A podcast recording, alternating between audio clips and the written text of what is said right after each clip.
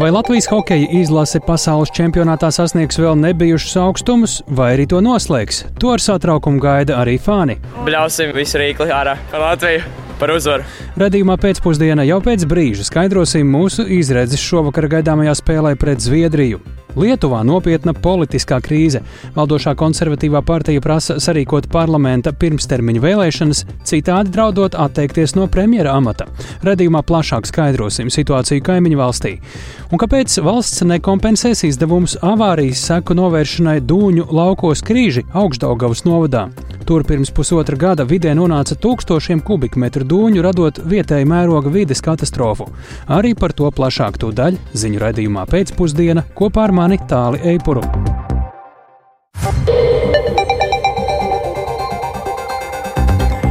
Ir 16,5 minūtes, skan pēcpusdienas ziņu programma, skaidrojot šodienas svarīgus notikumus. Studijā Tālis Eipors. Labdien!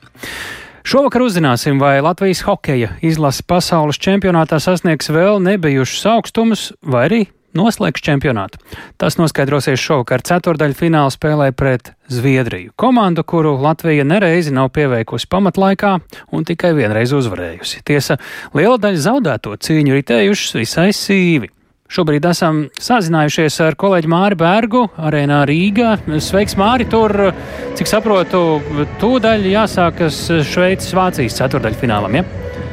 Sveiks, tālu, sveicināti klausītāji. Jā, pilnīgi pareizi. Šobrīd vēl noslēdzas ledus tīrīšana pēc iesildīšanās, un pēc 14 minūtēm jau sākas dienas pirmā spēle arēnā Rīgas, Šveice, Vācija. Tātad pirmais ceturdaļfināls šeit Rīgā tāli. Jā, uz Latvijas-Zviedrijas spēli tā ir pēc pulkstena astoņiem. Šobrīd, atšķirībā no rindiņas citu Latvijas maču, biļetes visas pārdotas? Gandrīz visas ir pārdotas. Es skatos, pirms piecām minūtēm burtiski apskatījos, kāds vēl ir piedāvājums biļetēm uz šo spēli. Dažas biļetes vēl ir pieejamas, nu, burtiski daži desmit biļešu vēl ir uh, nopērkamas. Tā kā, ja kādam vēl ir vēlme tikt uz šo spēli, tad to, protams, ir iespējas izdarīt. Uh, rīkotāji ir paredzējuši tirdzniecībā laist arī stāvvietas. Godīgi sakot, nezinu, vai tās ir palaistas vai nav. Izskatījās, ka nav. Bet, uh, jā, nu, izskatās, ka arēna būs gandrīz. Gandrīz gandrīz pilnībā izpārdot. Vēl dažas vietas ir katrā ziņā šobrīd. Tāli. Tas liecina par šīs spēles svarīgumu, bet nu, tie, kur varbūt nav kaismīgākie sporta līdzekļi, nu, izstāstam, cik svarīgs ir šis notikums. Mēs, es atceros, ka mēs sen neesam spēlējuši ceturdaļfinālā un bieži arī ne. Jā, nu, pēdējā reize ceturtdaļfinālā Latvijas izlasē bija 2018. gadā Dānijā. Toreiz arī spēlējot pret Zviedrijas izlasi ceturtdaļfinālā un toreiz zaudējām ar rezultātu 2-3. Ja mēs salīdzinām pēc vārdiem to Zviedrijas izlasi ar šodienas Zviedrijas izlasi ar to, kas ir šeit Rīgā, tad eh, tā izlase izskatījās krietni, krietni spēcīgāka. Taču skaidrs, ka Zviedrijas hokeja resurss ir milzīgs un uh, viņi var uh, atvest ļoti spēcīgu sastāvu. Tas ir izdarīts arī šogad. Un, Zviedrijas izlase pasaules čempionāta grupu turnīrā ir spēlējusi pār pārliecinoši sešas uzvaras un viens zaudējums papildu laikā grupu turnīra pēdējā spēlē amerikāņiem. Tā kā pretinieks nopietns un Latvijas izlasē arī, protams, ir ambīcijas pārkāpt beidzot šo barjeru un pirmo reizi izlases vēsturē sasniegt pusfinālu pasaules čempionātā. Tāli. Ja reiz tu pieminēji zvied, spēcīgo Zviedrijas sastāvu, tad par sastāviem runājot, kurus spēlētājus tad Latvijas izlasē redzēsim, kurus varbūt neredzēsim laukumā, nu, un Zviedriem tāpat. Latvijas izlasē visā pat kā spēlē pret Šveici. Tieši, tie, tieši tāds pats sastāvs dosies laukumā. No Andris Čeriņš ir traumas dēļ ārā no turnīra. Arī Roberts Mamčits nespēlē, un Ronalds Čēniņš arī nevarēs piedalīties mačā. Tātad Latvija spēlē tādā pašā sastāvā. Zviedriem pēdējā spēlē izkrita viens no uzbrukuma līderiem, Andrē Petersons. Tāpat ir šaubas par Rasmusa Sandīna dalību spēlē, bet nu, Zviedri arī vairāk vai mazāk varēs darboties savā labākajā sastāvā. Tāli. Jā, Māri, kā būtu jāspēlē, vai arī kas ir zināms, kā spēlēsim? Zviedrijas izlase, protams, kā parasti ir ļoti tehniska, ļoti meistarīgiem tehniskiem spēlētājiem. Zviedri, manuprāt, vismaz arī daudz hokeja ekspertu viedoklī, ir vislabāk slidojošā hokeja nācija pasaulē. Tam viņi ālaži ir pievērsuši ārkārtīgi lielu uzmanību, pastiprinātu uzmanību jau jaunatnes treniņos, sagatavojot savus spēlētājus. Bet par to, kā Latvijas hokeja izlase plāno šovakar spēlēt, to lai pastāsta galvenais treneris Karijs Vītoliņš. Jā, Kas notiek, ja mēs uzvaram? Kura ceturdaļfināla pāra, no kurām komandām divām mums var nākt pretī vai nāks pretī? Jā, mums šis ir jāapspriež. Latvijas izlasē, ja izdodas uzvarēt, tad pretiniekos stāsies uh, Somijas Kanādas pāra uh, uzvarētāji. Viņi arī tātad Tamperē vakarā spēlēs. Bet jā, tālāk, ja mums ir iespēja, tad uh, varam atskaņot uh, Harija Vītoļa komentāru pirms šīs dienas spēles disciplinētu un pildītu spēles uzdevumu. Jā, jo, protams, gribēsies varbūt kaut kur spekulēt, jā, bet teiksim, mēs zinām, ka zviedri tehniskāk ir. Jā, mums jāspēlē savu spēli, teiksim, akcents jāliek uz pretuzbrukumiem un jāizmanto savas iespējas. Kā jau saka, iespējas vienmēr būs, tas ir tā spēle, momenti mums būs. Tā kvalitāte jāparāda. To, ko mēs parādījām pret Šveici, jā, momenti nebija daudz, bet kvalitatīvi nospēlējām un guvām vārds. Tātad, jā, tā lūk, Harijs Vitoļņš par uh, to, kā Latvijas īlis vēlas spēlēt šodien. Nu, skatīsimies, kā tas izdosies. Visticamāk, ka tā arī centīsimies. Bet uh, nu, mums, ja reiz jautāju, kas notiek, ja mēs uzvaram, jājautā arī, kas notiek, ja mēs zaudējam. Es uh, palasīju to nolikumu, man sanāca sastā vieta čempionātā. Paskatījos vēsturē, tik augstu mums tā vieta nav bijusi vēl nekad. Uh, līdz šim jā, Latvijas izlasē vēsturiski lielākais panākums ir septītā vieta turnīra noslēgumā, bet uh, sastāvā vieta sanāk šobrīd jau uzvar visas augstāk izsētās komandas, nu, respektīvi tās, kas bija pirmajā un otrajā vietā grupā. Uh, ja uzvar ceturtajā vietā esošās komandas, proti Vācija un Čehija, tad tur automātiski un Latvijas izlase zaudē šodien. Tad mūsējai pabīdīsies kādu vietu zemāk, bet, protams, mēs te nerēķinām par to, kā būs, ja zaudēsim. Turam īkšķis par to, lai Latvijas izlasē tiešām šovakar savu skatītāju priekšā izdodas pārrakstīt vēsturi. Un divos vārdos, vai Latvijas radio ziņu Twitter kontā šovakar atkal neatkarīgi no rezultātu varam gaidīt audio sarunas Twitterī? Jā, tāda ir paredzēta. Un Jānis Sārts būs viesis man un Mārtiņam Kļaviniekam šajā plā, šovakar plānotajā sarunā. Tāli. Sekojiet Latvijas radio ziņām Twitterī. Paldies Mārim Bergam, bet pirms tik svarīga notikuma, protams, mēs arī noskaidrojām vissvarīgāko viedokli - līdzjutēju domas. Gan par to, kā viņi iesaistās hokeja pavasarī, gan arī uz ko cer Zviedrijas-Latvijas spēlē. Es izbaudu, skatos visas spēles. Paldies puišiem, kas ļoti labi spēlē. Būšu fanu zonā ar draugiem. Bļausim visu rīkli ārā par Latviju par uzvaru. Oh, Riga. Swedish, uh... Mēs Rīgā esam pirmo reizi. Mēs bijām Tamperē uz Zviedru apakšgrupas spēlēm. Vakar atbraucām uz Rīgu, burvīga pilsēta. Mēs arī ļoti labi jūtamies par šodienas spēli. Domāju, ka uzvarēsim ar 10 pret 1. Well, Es neesmu pārāk ieinteresēta, bet es noteikti skatīšos šodienas spēli, jo spriedze aug. Mans vīrs ir latvietis, un viņš ļoti seko līdzi, un es tagad jau pielāgojos viņa sajūtām. Mūsu izlase tagad eh, ļoti labi spēlē, un šodien mēs cenamies par uzvaru, un es cenšos, ka mēs iesim uz pusfinālu. Domāju, ka es iešu uz fanzonu. Un kopā visa Rīga un visa Latvija būs arī skatīties to un uh, cīnīties par pusfinālu. Ir forši. Man prieks, ka Latvijas kļūst tāds patriotiskāk, kad ir hokejs, sports veids. Latvija ir pilnīgais. Pirms tam, tā kā hokejs visi patrioti mīl, bet man prieks. Es skatīties, ka viss saliedējas un lepojas par savu dzimteni. Bet, vai skatīšos hokeju, tas ir jautājums, vai man sanāks vakar gaitā nonākt pie televizora. Well, fact, for... Es skatīšos pa televizoru, jo esmu šeit Eiropas konferences, nevis čempionāta dēļ. Esmu no Rumānijas, mums hokejs tik labi nepadodas, bet man kopumā patīk Baltijas valstis, tāpēc novēlu jums veiksmi.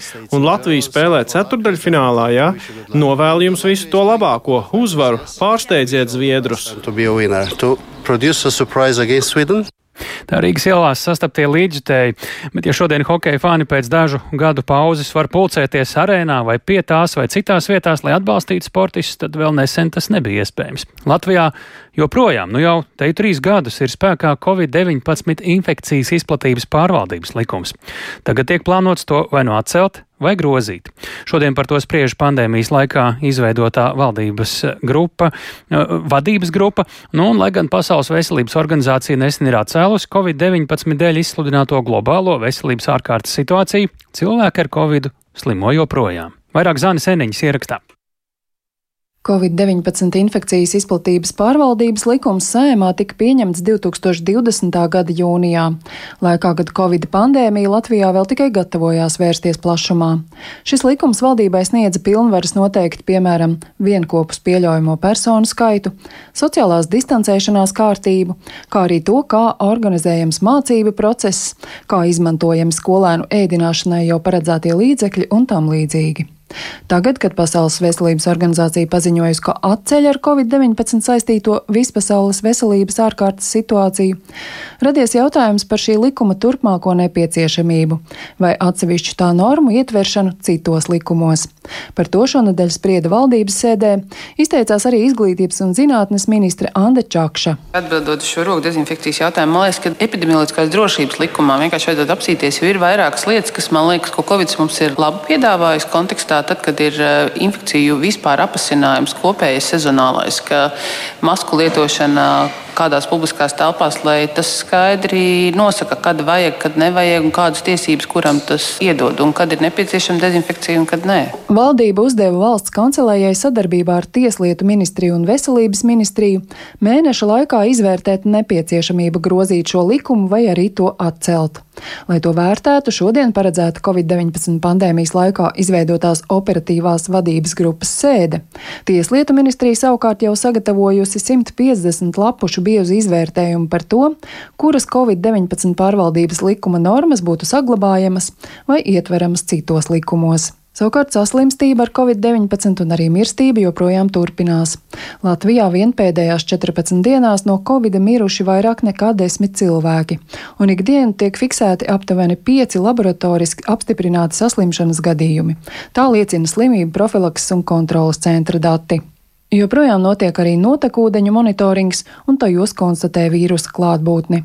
Par to, kā slimības izraisītājs izplatās, stāsta slimību profilakses un kontrolas centra pārstāve Larisa Savrasova. Pašreiz, ja pasaulē cirkulē SARS-CoV-2 vīrusa omikrona varianta dažādas apakšlīnijas, un tomēr mēs zinām, ka vīrusu mutācijas turpinās, un līdz kamēr jauna apakšlīnija parādās, tā izraisa saslimstības pieaugumu, un tas apmēram notiek ar tādu, nu, divu, trīs mēnešu intervālu. Pēc SPKC pārstāves teiktā, rudenī Latvija varētu sasniegt jauns omikrona paveids un izraisīt paaugstinātu saslimšanu. Iespējams, tad atkal varētu tikt ieviesti kādi ierobežojumi, taču pašlaik tie visi ir pilnīgi atcelti. Arī masku valkāšana medicīnas iestādēs vairs nav obligāta. Kā norādīja Larisa Savrasova, ārstniecības iestādes gan drīkst noteikt, ka noteiktās nodaļās pacientiem un apmeklētājiem maskas tomēr ir jāliek, piemēram, tādās, kurās ir slimnieki ar pazeminātu imunitāti, teiksim, onkoloģijā vai transplantācijas nodaļās. Tāpat SPKC pārstāve atgādināja, ka cilvēkiem, kuriem ir paaugstināts risks saslimt un pēc tam ļoti smagi slimot, joprojām nav ieteicams iet uz plašiem publiskiem sarīkojumiem, vai arī jāpārbauda, kāds ir vakcinācijas status. Zana Eniņa, Latvijas radio ir izvērtēts, kāda ir bijusi mediju loma pandēmijas sākumā un kā šī krīze ir ietekmējusi pašus medijus. Latvijas Universitāte šodien atklāja zinātnisku monogrāfiju, kurā pētīta mediju vide, mediju pratība, ētika un daudzi citi mediju darbības aspekti pandēmijas krīzes sākumā. Pētnieks secina, ka Covid-19 situācija atstāja nopietnu negatīvu ietekmi uz medijiem, kuri bija sliktāk pielāgojušies mūsdienu tehnoloģiskajai videi. Tāpat audzis arī dezinformācijas apjoms. Grāmatas autori gan arī norāda, ka medijiem kopumā ir izdevies pielāgoties krīzes apstākļiem. Plašāk Sintīs Ambotas ierakstā. Covid-19 pandēmijas sākuma periodā 2020. gada martā Latvijas Universitātes mācību spēki un pētnieki, doktoranti un maģistranti pieņēma lēmumu monitorēt un analizēt Latvijas mediju ekoloģiju. Šī darba rezultāti apkopot jaunā monogrāfijā, kurā izvērtēti mediju stiprie un vājie posmi krīzes situācijā. Viena no grāmatas autoriem, komunikācijas zinātnes doktora Klinta Ločmele, tolaik iedziļinājās mediju pratības jautājumos un secina, ka tieši pandēmijas sākumā mediji kalpoja par galvenajiem orientieriem krīzē, bet konkurencē ar dezinformāciju tikts galā tikai daļēji. Šeit ir jāuzsver tas, ka dezinformācija par Covid-19 un vakcināciju bija arī daļas politisko spēku tāda programmas mugurkaula pamatā, kas vēl vairāk palīdzēja dažādiem apgalvojumiem, kas ir pretstatā zinātnes atklātajam, izplatīties vēl tālāk, plašāk, jo tie tika izmantoti tieši vēlētāju balsu pievilināšanai. Tur varētu rezumēt par to, ka izdevies varbūt daļēji stiprināt mediju pretī par šiem jautājumiem, un atcerēsimies, kā sākās Krievijas karš Ukrainā, un tur savukārt uzslāņojās pa virsu propaganda, kas ir saistīta ar kara darbību. Tāpēc, nu, pauze medīpratības jomā kopš pandēmijas sākuma nav bijusi, bet tā aina ir kļuvusi tikai komplicētāka. Komunikācijas pētnieki secina, ka Covid-19 situācija atstāja nopietnu ietekmi uz tiem medijiem, kuri bija sliktāk pielāgojušies 21. gadsimta tehnoloģiskajai videi. Savukārt interneta mēdī piedzīvoja auditorijas pieplūdumu. Tāpat grāmatā lasāms arī emeritētās profesors Skaidrīts Lasmanis vērojums par mediju ētiku pandēmijā. Vissvarīgākais varbūt vienā teikumā ir tas, ka mediji ir līdzdalīgi šajā krīzes situācijā. Un tāpēc ir tik svarīgi, kā mēdīja veido emocionālo noskaņojumu, lai šīs bailes nepārvērstos panikā. Un es domāju, ka Latvijas mēdīja tika galā. Šī informācija, kas nāca no veselības pārvaldes iestādēm, tā bija diezgan pilnīga. Bet tas, kur varētu būt labāk. Tas ir, ka mediji izmanto šo informāciju bieži vien nevietā sensacionalizējot kādu atsevišķu gadījumu. Un tā tas bija ar arī bojā gājušo skaitu. Mazāk Latvijā, varbūt vairāk pasaulē. Monogrāfijas zinātniskā redaktora profesora Vita Zelča secina, ka pandēmijas izraisītā krīze atstājusi ilgtermiņa ietekmi uz mediju ekosistēmu, tomēr šobrīd vēl nav iespējams pilnībā aptvert tās mērogus. Protams, ka šobrīd jāsaka, mums ir jaunas krīzes, ko izraisa arī karš uh, Ukrainā, bet to brīdi atrodoties 20. gadā un tikai trīs gadus atpakaļ, mēs uh, nonācām uh, savās dzīvēs pirmreizējā krīzes situācijā. Bet šis pētījums par pandēmijas pirmo posmu saka to, ka jā, digitalizācija pastiprinās. Galvenais secinājums, ka mediju vide pielāgojās, tā ir mainīga un elastīga. Zelča vēl norāda, ka grāmata Latvijas mediju ekoloģija 2020. gada pandēmijas krīzē ir veltījums Latvijas universitātes lektoram Rolandam Tjārvem, kura dzīvi pāragri pārtrauca Covid-19. Sinti Ambote, Latvijas radio. Turpinājām, turpinām raidījumu pēcpusdienu. Latvijā iespējami banku virspēļņas nodokli apsvērs kopā ar citām nodokļu izmaiņām, vērtējot Lietuvas piemēru, ieviešot pagaidu solidaritātes maksu par banku virspēļņu. Šobrīd arī Latvijā šādu risinājumu neizslēdz. Augustā varētu lemt, vai šādu nodokli iekļaut kopējā nodokļu sistēmu izmaiņu grozā. Tomēr premjers un finanšu ministrs priekšroku joprojām dod pašu banku rīcībai, uzlabojot kreditēšanu un iespējas noguldīt. Pirmie rezultāti jau esot redzami, vairāk Jāņa Kīņša ierakstā. Solidaritātes maksa par banku virspēļņu. Tā Lietuvā simboliski sauc plašas diskusijas raisījušo ideju faktiski ar papildu pagaida nodokli aplikt komercbanku peļņu. Tai paredzams milzīgs pieaugums, lielā mērā pateicoties Eiropas centrālās bankas pēdējā gada vairākiem lēmumiem celt procentu likmes cīņā ar augsto inflāciju. Rezultātā kredītu procentu likmes klientiem ir augstas, bet noguldījumu likmes zemes. Komercbanku peļņa tā rezultātā ir augusi. Pērn tā bija 325 miljoni eiro bet līdz ar ikmēneša kredīta maksājumu pieaugumu šogad tā varētu sasniegt pat 700 miljonus eiro. Kreditēšanas augsnes uzlabošanai Finanšu ministrija un Latvijas banka mudināja Komercbankas palielināt depozītu likmes un mazināt komisijas maksas par kredītiem. Mēs lūdzām, nevis uzdevām, piebilst Finanšu ministrs Arvils Ašrādens no jaunās vienotības. Šī procesa iznākumam būs nozīme lemjot par banku peļņas nodokļu ieviešanu arī Latvijā. Mēs redzam, būtiskas pārmaiņas notiek. Šobrīd bankas ir reaģējušas. Tātad depozīta likmes aug, tiek pārskatītas pakalpojumu likmes. Tas, kā mēs to procesu esam uzlikuši, ka mēs gribam redzēt daudz konkrētākus rādītājus, un šajā pašā formātā mēs sanāksim kopā augusta vidū. Un augusta beigās ir tā saucamā nodokļu pārskatīšanas grupai jānāk ar ziņojumu valdībā, un tad arī mēs iekļausim šo lēmumu, vai virzīt šādu nodokli Latvijā vai nevirzīt. Finanšu ministrs gan piesardzīgi vērtē iespējamos ieguvumus no šāda nodokļa ieviešanas. Nu, es redzētu, ka šāda nodokļa ieviešana diez vai uzlabos kredītu kreditēšanu, drīzāk bankas nākotnē iecenos šādu izmaksu pakalpojumos. Es vairāk fokusējos uz to, lai uzlabotu šos ekonomiskās miedarbības procesus un lai tirgus situācija attīstītos. To, ka kreditēšanas jomā ir vērojami būtiski uzlabojumi, apliecina arī Komercbankas pārstāvošās finanšu nozares asociācijas vadītāja Sanita Bajāra. Kopējos datos tas vēl nesot redzams, taču atsevišķu Komercbanku kreditēšanas darījumu skaits gada pirmajā ceturksnī, salīdzinot ar situāciju pirms gada, audzis par 50%.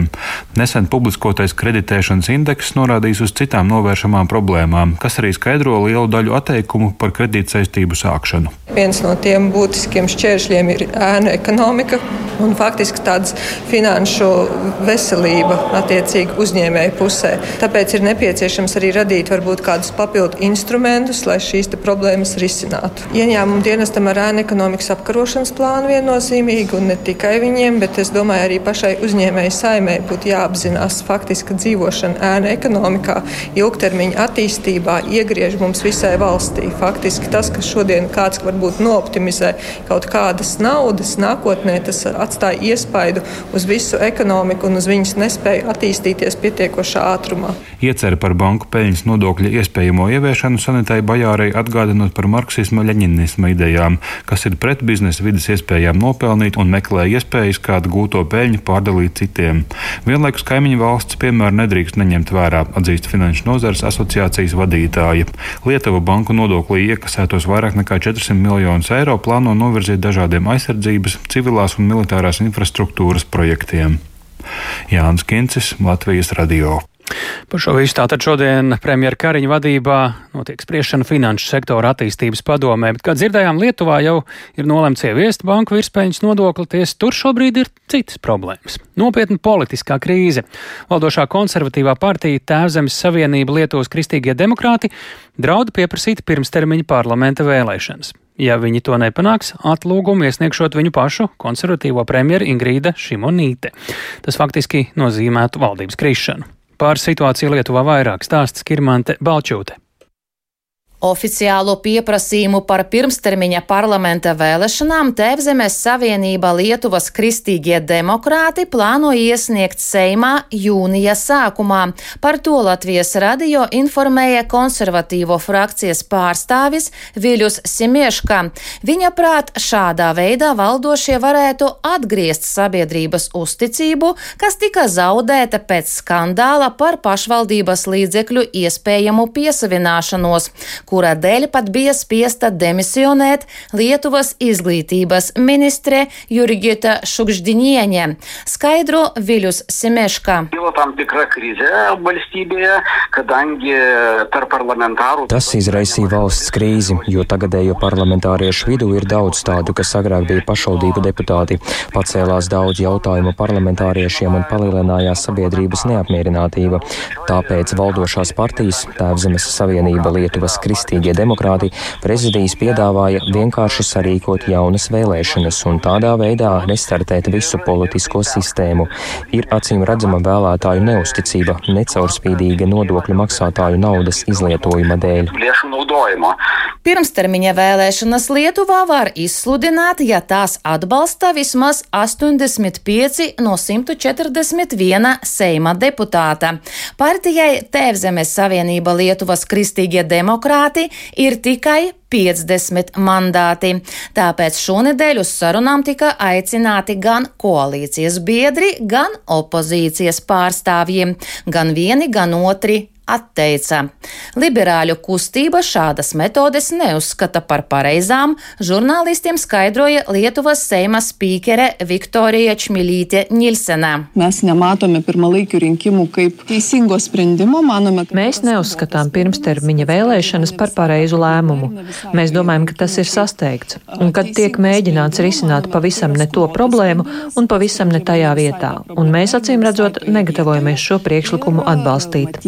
Neketintume pritarti. Savukārt opozīcijā esošās demokrātu frakcijas Lietuvas vārdā priekšsēdētājs Saulis Skverņāļas intervija Lietuvos rītas pateica, ka esot jāsāk ar valdību. Pirmas loģiskais žingsnis - vyriausybės žingsnis. Pirmais loģiskais solis ir jāspēr valdībai. Tad rodas pamats runāt par vēlēšanām. Kamēr valdība strādā, un ja viņa var strādāt, priekš kam tās vēlēšanas?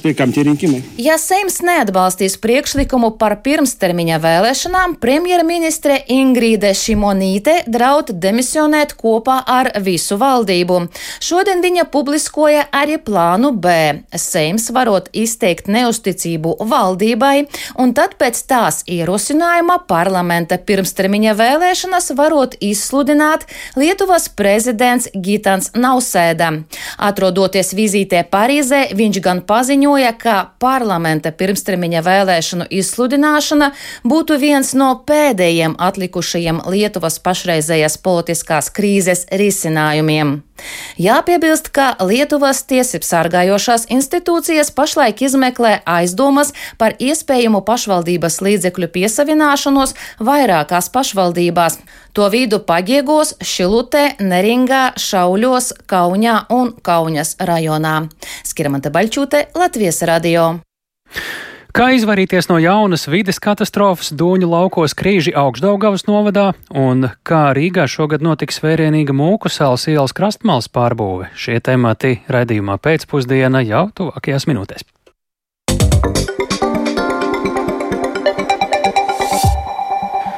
Valsts nekompensēs izdevumus avārijas seku novēršanai Dūņu laukos Krīži augšdaugavas novadā.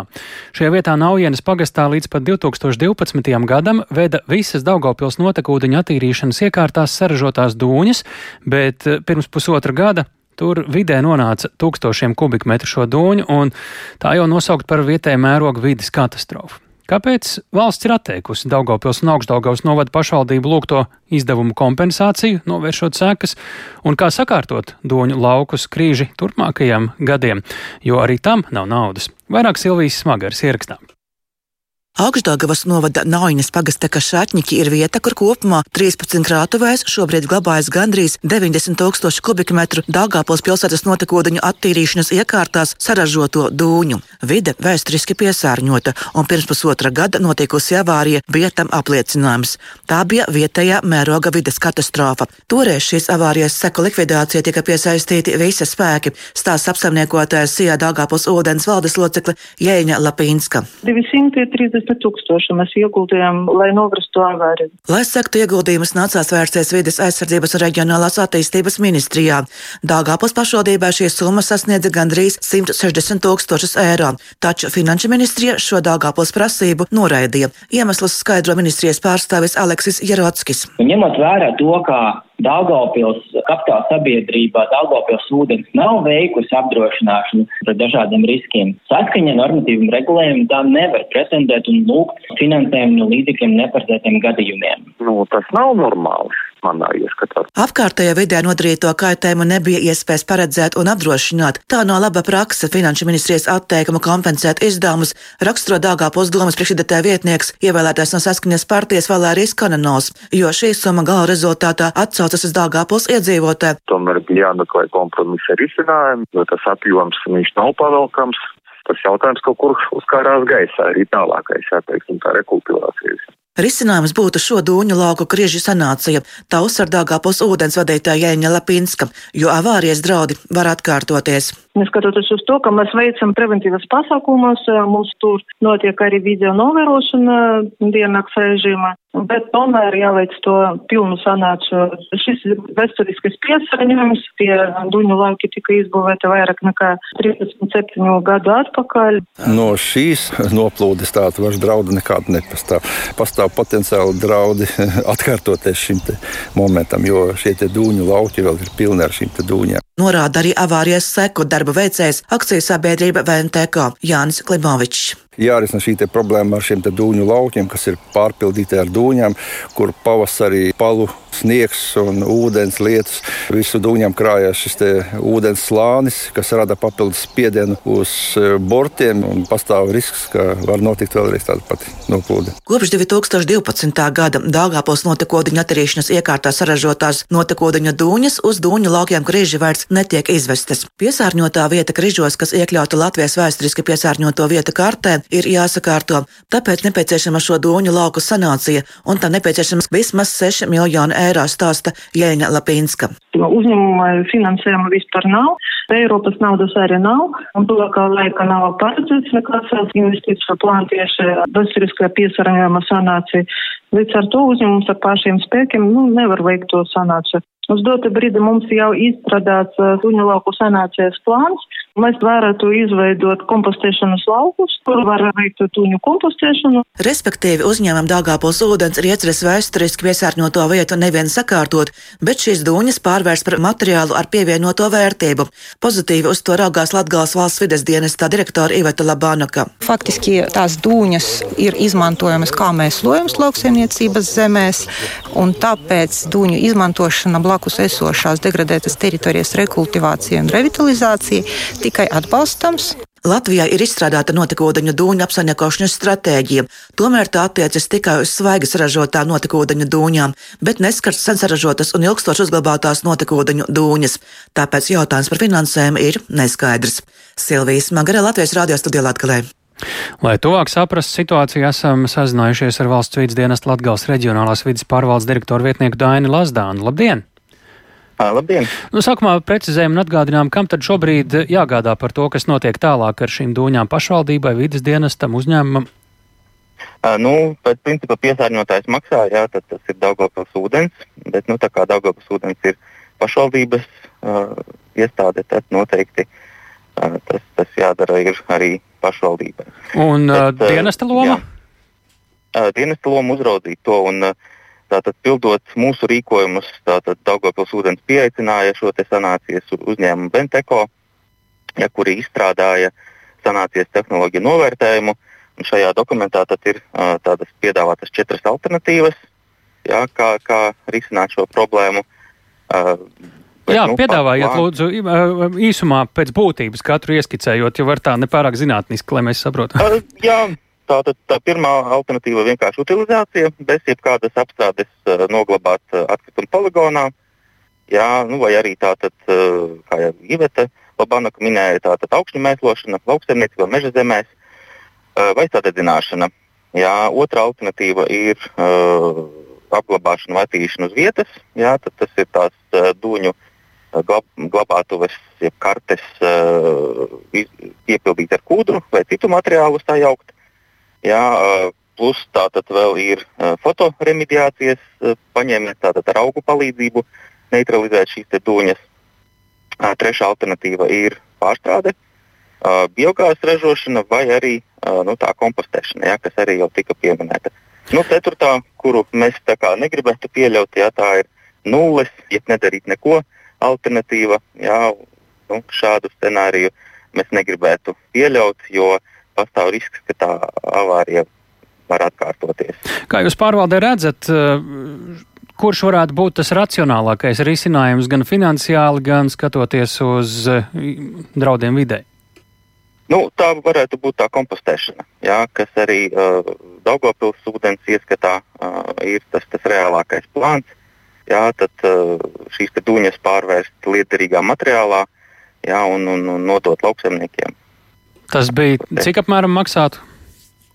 To gan es nemācīšu pateikt. Uh, šobrīd uh, mēs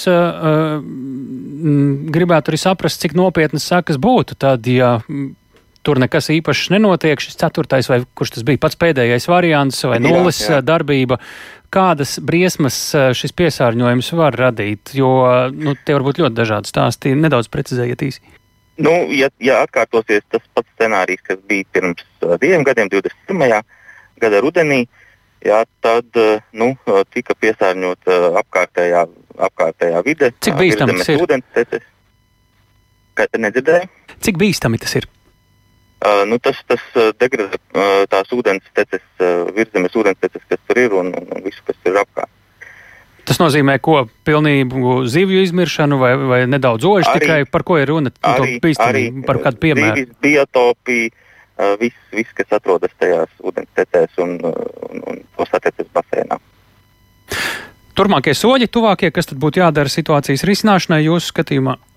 Uh, nu, mēs gaidām no Daugopils ūdens, balstoties uz šo te tehnoloģisko sanācijas tehnoloģiju novērtējumu, uh, gaidām uh, precīzu rīcības plānu, jā, ko arī saskaņosim, un, un tad, gaidīsim šo izpildes, izpildes gaitu. Paldies par sarunu, sakām Dainim Lazdānam valsts vidas dienesta Latgales reģionālās vidas pārvaldes direktoru vietniekam. Pārceļamies uz Rīgu. Arī par pamatīgām lielākām summām būs runa. Un, tiesa gan visu acīm šīs būs redzams, un runa arī ir par sakārtošanu. Tie arī citādāk. Rīgā šogad sāks vērienīgu mūku salas ielas krastmalas pārbūvi. Vismaz par 22 miljoniem eiro degradēto krastmalu paredzēts nostiprināt, labi iekārtot apkārtni un izbūvēt arī gājēju tiltu zem akmens tilta. Plānots arī Mūksāles promenādē no margām noņemt padomju laika simboliku, sirpu un āmuru. Tādu projektu šodien atbalstīja Rīgas domas komitejā. Lai pastāstītu vairāk, mums studijā pievienojas Viktors Demidovs. Sveiks, Viktor, pastāsti precīzāk jau par projektu. Jā, sveicināti. Nu, tātad Mūksalas krastmala ielas krastmalas tā pārbūve ir viens no Rīgas pieciem lielajiem infrastruktūras objektiem, un tad, kuru atjaunošanai valdība pagājušajā gadā atbalstīja 139 miljonu eiro lielu aizdevumu, un no tiem vismaz 22 miljoni eiro paredzēti tieši minētai krastmalai.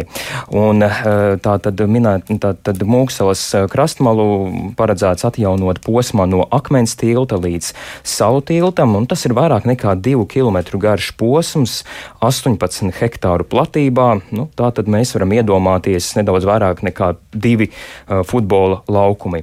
Un šie 22 miljoni eiro sadalās tā, ka lielāko daļu no tiem, jeb 12 miljonus eiro, paredzēts tērēt nākamajā gadā. Nu, tad iespējams um, tieši nākamajā gadā mēs varam sagaidīt arī tos lielākos būvdarbus. Ko tad pašvaldība plāno darīt? Un Galvenais ir krastmalu nostiprināt, jo pirms vairākiem gadiem speciālisti secināja, ka krastmala, uh, krastmalas uh, krasta stiprinājums kopējais nolietojums ir no 50 līdz 90 procentiem. Tad, protams, jā, no tā mēs secinām, ka 19. gadsimta beigās izbūvētie stiprinājumi ir sliktā un pat ļoti sliktā stāvoklī. Un, lai gājējiem būtu ērti nokļūt no Mūksalas promenādes uz AB dambi, tātad, kas ir virzienā uz Manšu tiltu, pašvaldība zem akmeņa akmens tilta paredz izveidot gājēju tiltu, nu, kas stiepsies gar Daugavu, respektīvi. Tas būs drošāks ceļš nekā tas ir pašlaik. Tunelis ir. Tas ir šauru ietvi. Jā, jā, precīzi. Un tagad ir tāda šaura, kā jau tu minēji, un stiepjas gar ceļu. Un uh, vairāk par uh, iecerētajiem darbiem pastāstīs uh, Rīgas domas pārstāvis Kaspars Līdzītis. Būvdarbu uzsākšanas laiks visticamāk tas būs vasaras beigas. Lielākā daļa būvdarbu tiks veikta ārpus braucamās daļas. Līdz ar to automašīnu satiksme būtiski netiks ietekmēta, taču jānorāda, ka Mūksāles promenāde gari Daugau posmā no salu tilta līdz akmens tiltam varētu būt slēgta gājējiem un velobraucējiem. Žoga daļa, kurā ir daži elementi ar padomu simboliku, tie tiks demontēti. Pēc darba veikšanas šī būs viena no tādām teritorijām, kas Rīgā būs sakopta, mūsdienīga un kurā būs patīkami uzturēties gan rīzniekiem, gan Rīgas viesiem. Nu, Tālūk, Rīgas domas pārstāvis Kaspars Līcītis vien piebildīšu par šo, ka darbus paredzēts pabeigt 2025. gadā, un tad, tad šodien Rīgas domas finanšu un administrācijas lietu komitejā šim vispār projektam kopumā atbalstīja 30,5 miljonus eiro, bet pašvaldībā norāda, ka tas ir drošības labad. Tātad pats projekts tagad paredzēts, ka būs vismaz 22, bet mazums, ja tur būs cenu kāpums, inflācija un vēl visādi, visādas neprognozētas situācijas, nu, tad drošības labad ir tie 30 ar pusi, bet, eh, bet, bet nu, tik liels summa varbūt arī visma, nu, vispār nenāksies tērēt. Savukārt, ja mēs runājam par pārējiem objektiem, tad šis ir viens no tiem pieciem objektiem, ko pašvaldība tagad, kom, pašvaldības komiteja ir atbalstījusi. Pārējie tātad četri ir gaisa tilts, Gustavs Zemgala pārvads, Jorģa Zemitāna tilts un Vanš tilts. Un tad, ko mēs varam secināt, tilti mums ir lielā, liela problēma. Un tad eh, šiem četriem objektiem pašvaldība plāno veltīt 117 miljonus eiro, un, un, un visus četrus minētos eh, plānots atjaunot līdz 26. gadam. Tad, respektīvi, Mūksalas krasmalu mēs varam sagaidīt visagrāk 25. jau gadā. Bet nu, par šiem četriem vēl tad attiecīgi um, politiķiem ir jālemj. Par Mūksalas krasmalu tur. Um tavs priekšstats tur izskatīsies apmēram līdzīgi kā līdz šim, tikai viss būs salabots, vai arī tur tomēr arī mainīsies tas iespējas, kā tur izstāsta diezgan būtiski. Būs, nezinu, velo joslas izteiktākas, kaut kāda soliņa vairāk vai Es, es domāju, ka jā, mēs to varam sagaidīt, jo, kā jau minēja arī Kaspars Līcītis, tad patīkama, ērta vide, kur varēs mm. atpūsties, kur varēs justies droši. Tur būs arī labs apgaismojums, jo arī tagad, uh, izlasot to, to secinājumu, ko veica nu, tāda, ko speciālistu secinājumu, ka nu, tā, nu, tas apgaismojums nav tik pietiekami labs tagad arī tajā diennakts tumšajā laikā. Jā. Jā. Paldies, sakām Viktoram Demidovam. Tātad Rīgā šogad sāks vērienīgu mūku salas ielas krastmalas pārbūve par vismaz 22 miljoniem eiro. Tas tātad varētu tikt pabeigts šis darbs ap 2025. gadu. Šis bija ziņu raidījums pēcpusdiena. To veidoja Tāls Eipors, Ilza Aginta, kā arī Renārs Šteimanis, Katrīna Bramberga. Ja vēlties šo ziņu raidījumu noklausīties sev vērtākā laikā, atcerieties vienmēr jau mazu brītiņu pēc ētera versijas, kuru tikko dzirdējāt. Tā ir pieejama arī Latvijas radio mobilajā lietotnē. Varat ar to arī dalīties tālāk. Ziņu raidījums pēcpusdienā atgādinām katru darba dienu. Pēc ziņām 4,5 minūtēs tas nozīmē, ka mēs tiekamies arī rīt.